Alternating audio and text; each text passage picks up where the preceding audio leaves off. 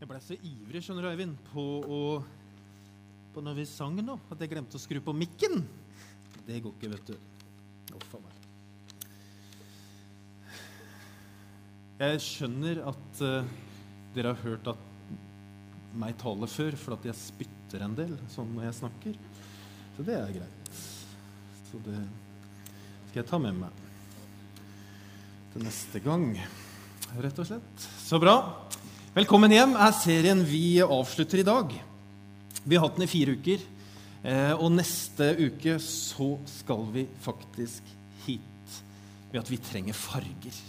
Og det blir et litt annet fokus, og det blir veldig fint. Og Det er en av de, det er bare to uker vi skal snakke om det, så du må liksom være kjapt på. da, for å få, Du må være her begge ganger, faktisk. For neste søndag så er det Runa Byberg som taler. Og så taler jeg uka etter. Og det blir så bra. Det er en av de seriene jeg har gleda meg mest til, faktisk. At vi trenger farger. Um, og hvis du lurer på hva det handler om, da får jeg ikke si noe mer om det, nemlig. Så du må komme bare. Det blir kjempebra. Rett og slett. Og da helgen, når vi er ferdig med det, så skal vi på menighetstur. Veldig rar lyd. Eivind, er det ikke det? Det er ikke det, nei. Nei, nei, nei. Må jeg gå til sånn der eh, Hva heter det? Som gjør sånn med ørene? Ja, nei, det er bra, det. Neste uke så skal vi på menighetstur til Vegårtun. Der er det masse ledige plasser. Det er mange som har meldt seg på. Masse ledige plasser. Og menighetsturen vår det er en av de viktigste helgene vi har i løpet av året. For da er vi sammen fra fredag til søndag. Vi er sendt oppe, har bra samlinger, har det gøy sammen. Eh, og det er veldig få tror jeg, som reiser fra Menighetsviken og sier at dette angrer vi på at vi ble med på. liksom, At vi brukte helgen på å reise til Vegårtun. De, eh, det er heller sånn at de som hører rykter om hvor, hvor, gøy det har vært, hvor bra det har vært, de tenker søren heller at jeg ikke var med. Må være med neste år. Så bli med på menighetstur. Og det er en sånn påmelding på check-in, så det, da skriver du tror jeg, bare 'Skjer misjonskirke eller menighetstur. eller sånt. Bare husk å melde deg på riktig menighet sin menighetstur. da. Det er en fordel. Vi eh, har i fire uker snakket om dette. Et hjem med en hensikt, et hjem med, i etterfølgelse. Torbjørn Glenna talte forrige søndag om at vi er et hjem hvor vi tror at Gud er nær, eh, og at vi også er et hjem hvor vi kan nære hver, nær, være nær hverandre. Eh, og alle våre taler legger vi på podkast og på skjedmisjonskirke.no. Og på skjedmisjonskirke.no så ligger det et sånt oppfølgingsark som du kan ta med til gruppen. Og det gjør du også etter denne talen her. Og jeg skal da snakke om et hjem med én eier. Og bakgrunnen, eller utgangspunktet for den talen, er et bibelvers som eh, står beskrevet i Matteusevangeliet. Og så er det midt inne i en tale som Jesus holder, som er sitert der som vi kaller for bergprekenen. Eh, og inni der i kapittel 6, vers 24, så står dette verset her. Ingen kan tjene to herrer.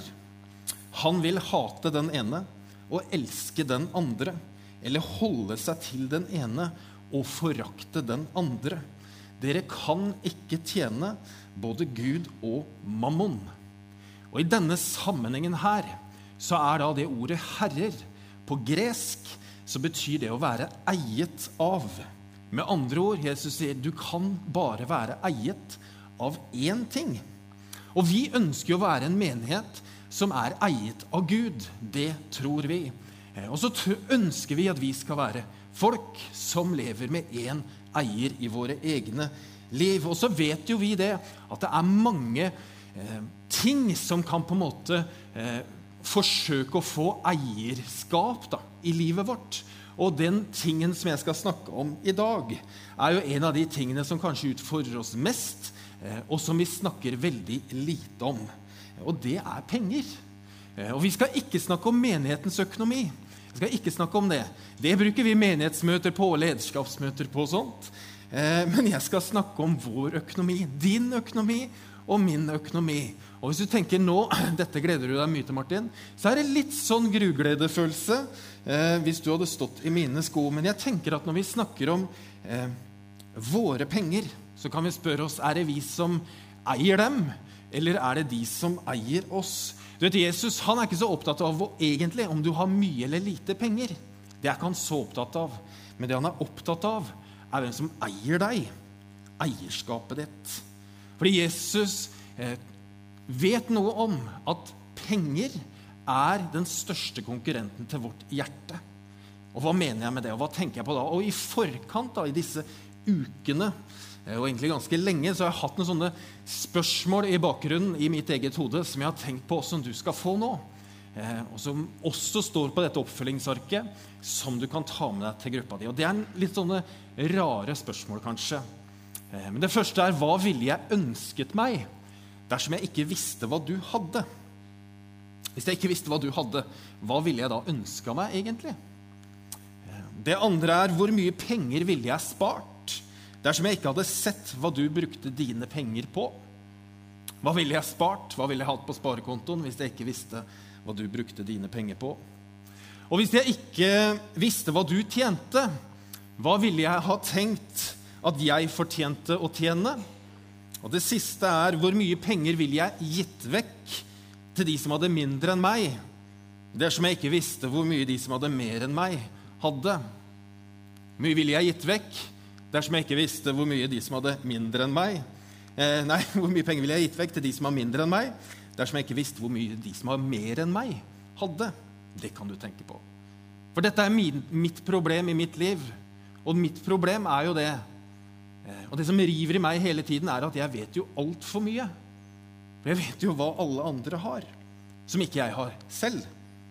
Og da blir jeg både misunnelig eh, og misfornøyd. Og så blir jeg som den larven som er en sånn barnebok som aldri blir mett. Uansett, selv om jeg blir litt sånn fetere og fetere, så blir jeg aldri mett. For at jeg vil jo ha en ny bil, fordi den gamle er Eller det er kommet en ny, rett og slett. Den vil jeg ha. Jeg vil ha nytt bad, kanskje, fordi det gamle er stygt. Og ny lysestake det, det, er kanskje ikke helt Det er ikke hva jeg tenkte når jeg skrev det, egentlig, at jeg vil ha ny lysestake fordi den gamle har feil fargesjatteringer. Uh, men det kan jo hende at det gjelder deg. Uh, eller vi vil ha nye puter, for vi har sett noen veldig kule hos naboen. Det kan jo hende. Det jeg har tenkt på nemlig, er at jeg vil gjerne ha sånn dress med høyvannsbukser, for det er det kule nå. Når jeg, vokste, eller når jeg var ungdom, så var det jo sånn at Eh, da, jeg, jeg, var jo utvokst til konfirmasjon, så jeg vokste ganske fort. Så jeg gikk jo med sånne høyvannsbukser. for man klarte liksom ikke å henge med. Men når du skal kjøpe dress nå, vet du, så skal det ikke bare være sånne veldig tight, enda tightere enn dette. Men de skal jo være sånn høyvannsbukser òg. Det er klart jeg vil ha det. For det er jo det siste kule akkurat nå. Selv om jeg ble mobba for det når jeg var barn. Liksom. Poenget er at jeg tror at uh, det forholdet vi har til penger, det kan medføre misunnelse, dårlig stemning og konflikter og krangling. Og Det er jo sånn at det er to temaer som ektepar og kjærester krangler mest om. Det er penger, og det er sex. Eh, og Samtidig så er jo penger og sex det vi snakker minst om, selv om de aller fleste tror at Kirken bare er opptatt av sex, og at vi vil ha pengene dine. Eh, så er jo ikke dette en tale om at SMK vil ha pengene dine. Det er ikke det. Det handler faktisk ikke om det i det hele tatt. Men det handler om at vi er kalt til å leve et liv med en Herre. Og da er penger en av de største konkurrentene til vårt hjerte. Men så tenker jeg, når jeg i dag snakker om penger, så kan det godt hende at det er noe annet i ditt liv som du skal putte inn i stedet for penger. Altså Når jeg snakker om eh, eierskap i forhold til penger, så kan det godt hende du skal putte inn sex. Kan godt hende at du skal putte inn noe annet. Og hva det er, det vet bare du. Rett og slett. Er vi med? Yes! Jeg har lyst til å si litt sånn om status for Kari og Ola Nordmann i forhold til forbruksgjeld. Det syns jeg var veldig artig. For eh, jeg googla Finanstilsynet, og der i løpet av 2016 så tok nordmenn opp eh, generelt da, 12 milliarder kroner i ny forbruksgjeld i 2016. Og det var en økning på 15% fra året før, altså 2015, som hadde med seg en økning på 10% fra året før det. Og I slutten av 2017, altså ved nyttår, så hadde nordmenn 100 milliarder i forbruksgjeld. Altså kortsiktig gjeld som ikke er hus. Dere vet jo hva forbruksgjeld er. Men så står det noe om at eh, 43% av de mellom 35 og 44 år 43% nesten halvparten, de har forbruksgjeld. Og så sto det hva gjennomsnittet var. Og vet du hvor mye det var? 84 000 kroner i gjennomsnitt av 43% mellom 35 og 44 år. Dette er Finanstilsynet da, som sier. Og jeg bare tenkte det er mye penger. Det er mye penger, det. 84 000 i snitt. Det er mye penger. Og da tenker jeg at det sier noe om, kanskje, eh, vår relasjon til penger, lysten til å kjøpe nye ting, nye lysestaker, eh, og lysten til å dra på alle disse feriene på kreditt, at det er en sterk kraft i livet vårt. I hver gudstjeneste så, så ber jo vi denne bønnen her, hvor vi ber 'Gi oss i dag vårt daglige brød', som står i vår Far. Og så er det jo ikke brødet som vi har problemer med å finansiere, de aller fleste av oss. Det er jo tingene våre som vi tydeligvis har eh, Som vi strever med å finansiere. Overfloden vår kanskje også. Det å kjøpe nye ting. Men det vi vet er at rett før du kjøper noen nye ting Det starter litt før. Men når du vet at nå skal jeg kjøpe noe nytt, og når du er på vei til å liksom Og, og så er liksom klimakset er når du drar kortet. Da utløses det noe i hjernen som heter dopamin, som er en sånn lykkefølelse. Og vet du hvor lenge den varer hvis du er på Herkules? Den varer til omtrent du setter deg i bilen på parkeringshuset. Da er den borte igjen. Eh, og så var jo den veldig god, denne lykkefølelsen, dette dopaminet som fysisk skjer oppi hodet. Eh, så da går vi jo tilbake og kjøper nye ting. Og Så blir vi jo da veldig lykkelige og liker det godt. Og hvis vi da i tillegg legger det ut på sosiale medier og Facebook, så kommer dopamin igjen. vet du. Og hvis noen klemmer til med mange likes, eller noen i hvert fall klemmer til med at 'dette fortjente jo du', da er det helmaks. For vi vet at dette fortjente jo vi. ikke sant? Du fortjente jo det å kjøpe det, fordi du har jo jobba så mye, du. Du har jo strevd kanskje med dette lenge. Eller du som setter inn det som passer. Dette fortjener du. Og så er det jo en som har sagt at grådighet det er ideen om at alt er til for at jeg kan bruke det. Grådighet er en idé om at så lenge det kommer i mine hender, så er det mitt. Når jeg får det, da kan jeg bruke det. Spesielt hvis jeg arver det. Da er det til meg. Eh, og vinner jeg i Lotto, så vet vi jo alle hvordan det er da. Da, da er det vårt, ikke sant? Og dersom vi velger å gi bort noe av det vi har, noe av det som er mitt, da, til andre, for det første, så er vi jo utrolig rause. Er vi ikke det? Eh, og hvis vi i tillegg tror på Gud, så sier vi Gud, nå ser du hvor mye jeg gir av det som er mitt. Og, ikke, og, jeg vet at mange da helst eller Det gjelder jo helt sikkert ikke deg, men vi jo helt, helst, aller helst ha et sånt håndskrevet takkebrev hvor vi takker for gaven som ble gitt. Fordi å skrive takkebrev, det er takknemlighet. Du vet at de aller fleste mennesker i Norge lever med denne type prioriteringen her. At vi lever. Hvis det blir noe igjen, så sparer vi. Eh, og hvis, liksom blir, hvis, vi er skikkelig rause, så gir vi til slutt. Altså Det er meg først, og så er det meg på andreplass. Og hvis det blir noe til overs, så gir jeg av det. For pengene vi har, de er jo våre. Det er vårt. Det er mitt. Og ikke kom her og fortell meg hvordan jeg skal bruke mine penger. Det kan du ikke gjøre. Så sier da Jesus at vi kun kan være eiet av én ting.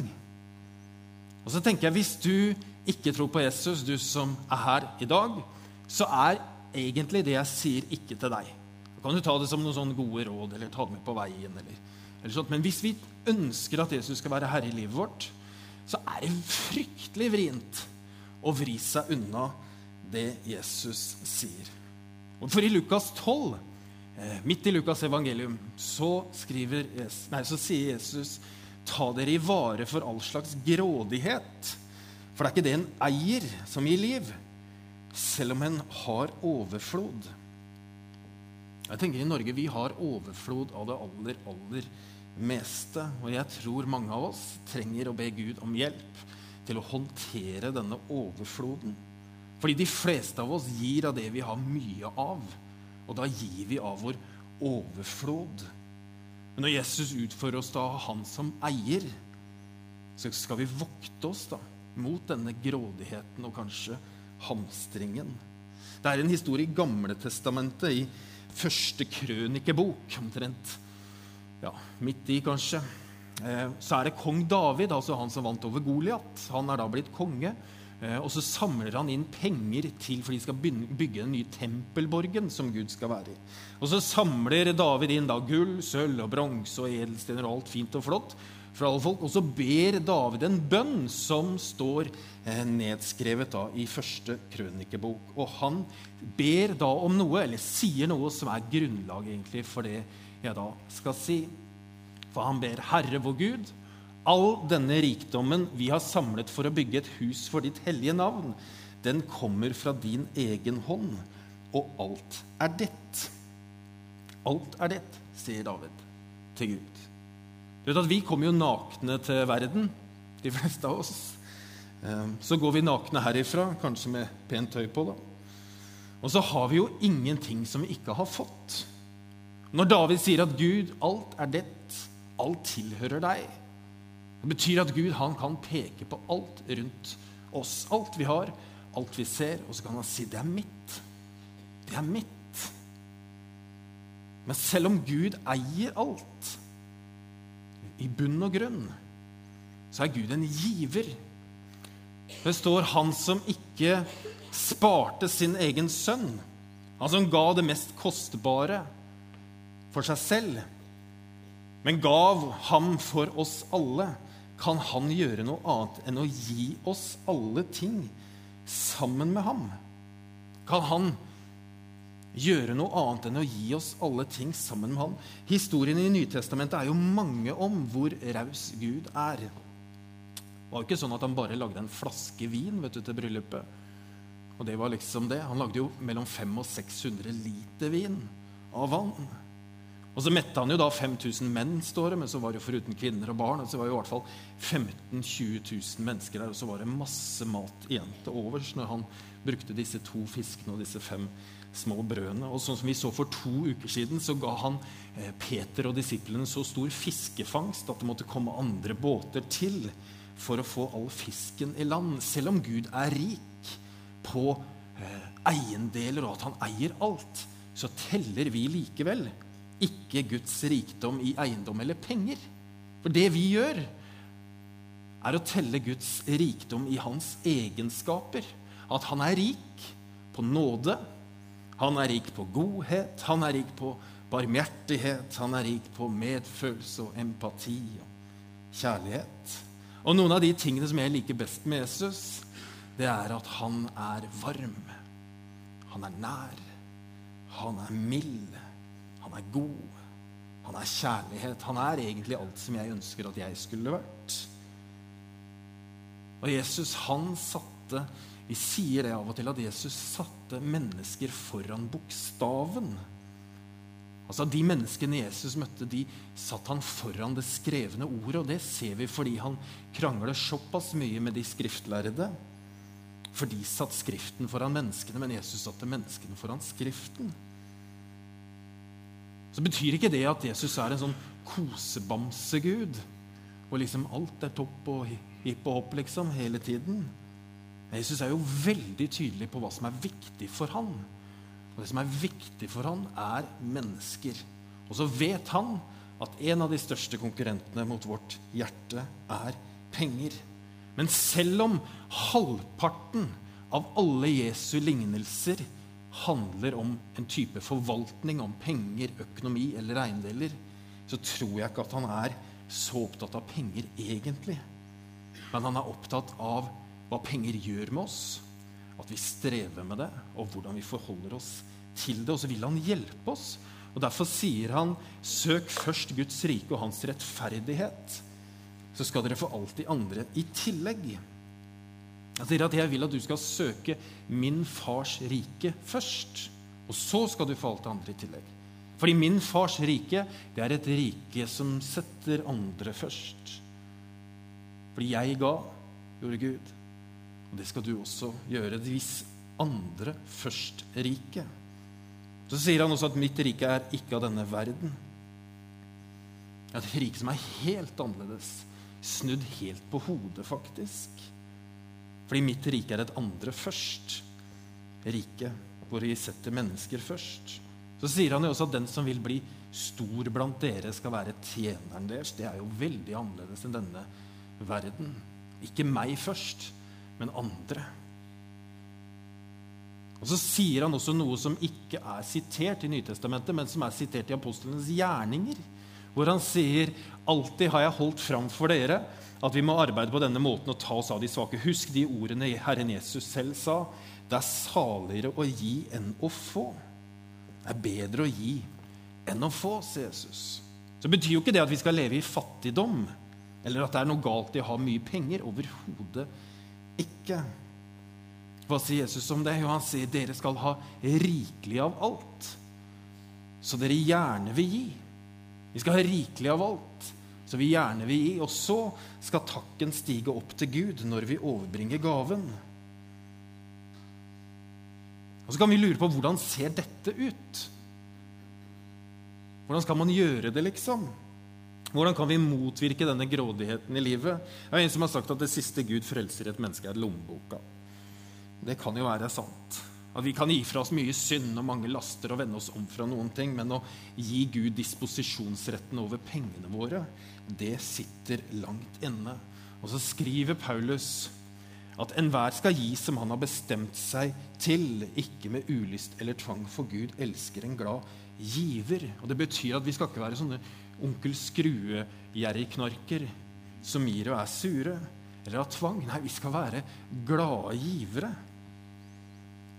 Og Når vi lever sånn, da Til å leve først, og så spare og gi hvis vi er skikkelig rause, så snur Gud det helt på hodet, og så gjør han sånn. At vi skal gi først, så skal vi spare, og så skal vi leve. Og så er Opp gjennom kirkens historie så er det noen tall som har fulgt disse. Og det er 10-10-80. Gi 10 spar 10% og lev på resten. Og Det kaller vi for tienden. Og så er ikke det noe sånn magisk tall. Det er ikke sånn at Hvis du gir ti kroner, så får du 100 tilbake, liksom. Som man kan høre på TV av og til. Så tenker jeg, hvorfor gir du ikke ti kroner sjøl? Liksom, ja. Men det er ikke noe lovisk ved det. Det er et gammeltestamentlig konsept. Og så er det en god leveregel for å motvirke grådighet. Og så er prosentsatsen helt underordna, egentlig. Men poenget er at du velger hva du vil gi, og du velger å gi først. Fordi når vi gir først, så sender vi penger foran oss. Vi gir til noe som er større enn oss, og som ikke bare handler om oss selv. Og når vi sparer etterpå, så vet jo vi det at vi lever, det kommer en dag i morgen. Vi lever ikke bare som at det er dagen i dag, men vi sparer. Vi vet at det er lurt. Og så lever vi på resten. Jeg tror det at hvis du blir bevisst på eh, hvordan du bruker pengene dine, så kan du også bli bevisst på hvor du er i livet før du er på vei dit du ikke vil. Det som jeg har tenkt på, da, som jeg lurer på ganske ofte, som ikke bare handler om penger, men som handler om mange ting, det er at når vi kommer i vanskeligheter i livet, når livet blir vrient, om det er eh, i kirken, eller om det er hjemme, eller ofte er jo hjemme Når det blir vrient og vi møter vanskeligheter, hva gjør vi da? Jo, da begynner vi å be. Det har jeg tenkt litt på. Når vi har rota det til med økonomien vår, eller vi har rota det til med forholdet vårt, eller tråkka skikkelig feil, eller brukt penger vi ikke hadde, eller kjøpt lampa som vi ikke likte Når vi oppdager at vi har tråkka feil, da inviterer vi Gud inn i livet vårt. Er ikke det rart? Jeg syns nesten av og til det er litt sånn flaut. At nå har jeg liksom gått på dunken igjen, liksom, Jesus. Så og da må jeg be Gud velsigne økonomien vår. Nå, nå må du rette det opp, liksom. så tenker jeg, tenk hvis jeg kunne gjort det annerledes. Jeg lurer på om dersom du tror på Jesus Kristus, og at han er din herre og frelser i livet, hvorfor inviterer vi han ikke inn før vi får problemer? Eller hvorfor lytter vi ikke til det han sier, før vi får problemer? og så skal vende om. Det hadde jo vært mye lurere, det. hadde det ikke det? Vi starta med å se på det til verset fra Matteus 6, 24. Og det er jo midt inne i en sånn sammenheng hvor Jesus sier det. Og, og, så kan jo det høres litt rart ut. og så tenker jeg Hvis du leser ting i Bibelen som, er, som oppleves litt sånn rart, da må du lese hele avsnittet. Eller så må du lese kapittelet. Og så må du se litt hvilken sammenheng det er satt inn. Og jeg skal se litt på dette verset. Og Jesus sier dette. Han sier, 'Dere skal ikke samle skatter på jorden', hvor møll og mark ødelegger, og hvor tyver bryter inn og stjeler, men dere skal samle skatter i himmelen, der verken møll eller mark ødelegger, og tyver ikke bryter inn og stjeler. For der skatten din er, vil også hjertet ditt være. Øyet er kroppens lampe. Om øyet ditt er klart, er det fordi kroppen er fylt av lys. Men om øyet ditt er sykt, er det fordi kroppen er fylt av mørke. Er nå lyset i deg mørke? Hvor dypt blir ikke da mørket?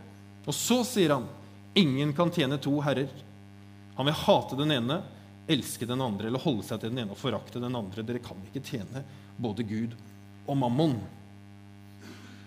Jesus snakker om å prioritere. Leve som om det finnes en Gud, eller om det ikke finnes en Gud. Leve om det finnes en morgendag eller ikke en morgendag. Leve som det finnes en annen verden eller ikke. Og så spurte jeg da dette i begynnelsen. Hva ville jeg gjort hvis jeg visste hva du hadde? Og så tenker jeg, fordi han sier i den teksten som vi leste relativt fort eh, Han snakker om øynene våre. Hva er det vi fokuserer på?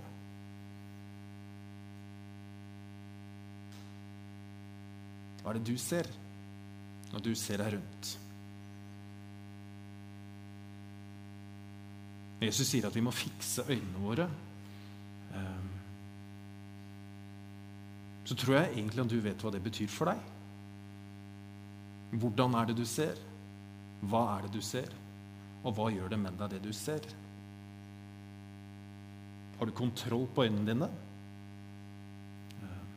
inviterer du Jesus inn i øynene dine, sånn at du ser det som han er, og hva han ser. Når trigges du, liksom? Når trigges dine øyne?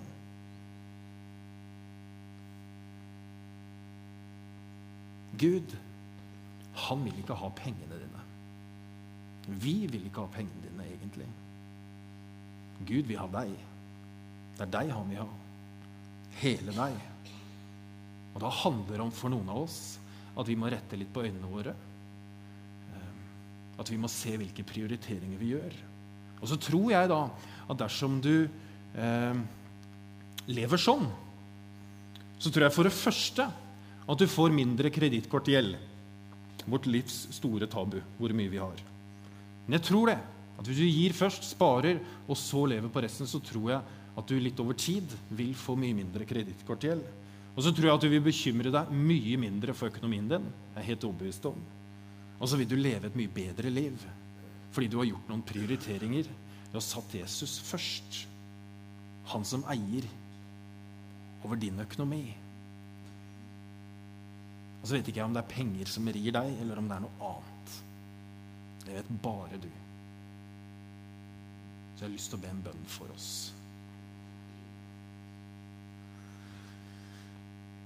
Far i himmelen, du kjenner våre hjerter. Du vet hva slags øyne vi har, og hva det gjør med oss. Og så er dette utfordrende hvis vi tar det inn, det du sier. At vi ikke bare liksom hører noen ord, og så lar vi det gå. Men hvis vi lar det gå inn, så er det kjempeutfordrende. Og så vet du at vi lever hele tiden med sånne dilemmaer om delt eierskap. Hvor vi ikke setter deg først, men hvor vi setter oss selv først, eller andre ting. Og så ber jeg om at du skal være nådig med oss, sånn at vi ikke blir fordømmende mot oss selv. Eller at vi blir sånn handlingslamma, men at vi gjør noe med det. At vi tar ditt ord på alvor, og at vi inviterer deg inn, sånn at vi kan leve med en andre først-holdning. Jeg ber om at du skal hjelpe oss å søke råd hos folk som har greie på det, når det er ting vi strever med. At vi ikke bare går og synser gjennom livet, men at vi tar det på alvor og gjør noe med det, om det handler om penger, eller om det handler om noe annet. Hjelp oss til det, Herre. Og hjelp oss så ære deg gjennom livet vi lever, fordi vi ønsker å ha deg som eier. i livet. Vær nådig med oss. Og takk for at når vi gjør feil, så løfter du oss opp. At din nåde bærer oss alltid. Men hjelp oss, Herre, til å ta kloke valg på forhånd. Og ikke alltid bare når det går på dunken. I Jesu navn.